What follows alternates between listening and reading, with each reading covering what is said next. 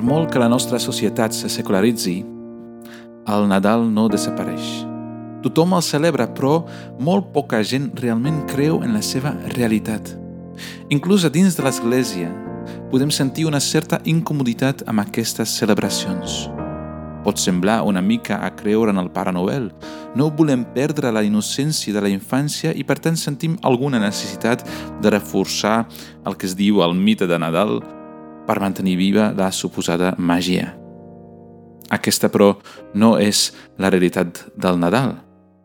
La realitat del Nadal és que Crist ha fet seva la nostra naturalesa humana, la nostra carn i els nostres ossos. Això no va córrer com passa en els contes de fades. No va haver-hi màgia ni teatre de cap mena. Tot va començar amb una promesa. I, en una nit com qualsevol altra, d'una forma gairebé decebedorament ordinària per les persones modernes, la resposta a la nostra necessitat més gran i el compliment de la promesa més gran va entrar al nostre món. En la sèrie d'Advent d'enguany volem destacar la importància de reconèixer i creure en la realitat del Nadal. Veurem com diferents persones van proclamar i van creure en la promesa de Déu i com aquesta promesa es va anar complint al llarg dels segles. A Isaías veiem una llum que brilla en les tenebres, assenyalant el naixement d'un fill reial, com del capítol 9 del llibre d'Isaías, versets 2 a 7. Després veurem alguns texts del Lluc.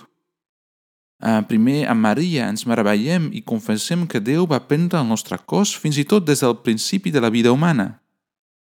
Amb els pastors marginats, escoltem la notícia que el mateix Salvador del món ha nascut enmig nostre i anem corrents a adorar-lo. Amb Simeó, que havia esperat durant tota la seva vida el compliment d'aquesta promesa, mirem aquell nen als seus braços, reconeixem la llum de la qual parlava Isaías i sabem que la salvació ara és aquí i arribarà als confins de la terra. Per tant, què creiem nosaltres sobre la, la realitat del Nadal?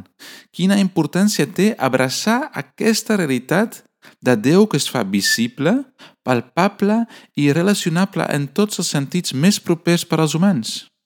D'això pensem també el dia de Nadal quan estudiem el text de 1 de Joan, capítol 1, verset 1 a 4, com afecta les nostres vides, no només el mes de desembre o el dia de Nadal, sinó cada dia de les nostres vides. Per tant, aquestes setmanes endinsem-nos en aquests textos i meravellem-nos de la realitat del Nadal, que Crist està amb nosaltres, la promesa s'ha complert. Aquesta realment és una notícia de gran alegria. Que el nostre Nadal, el teu Nadal, llavors sigui un de fe i adoració.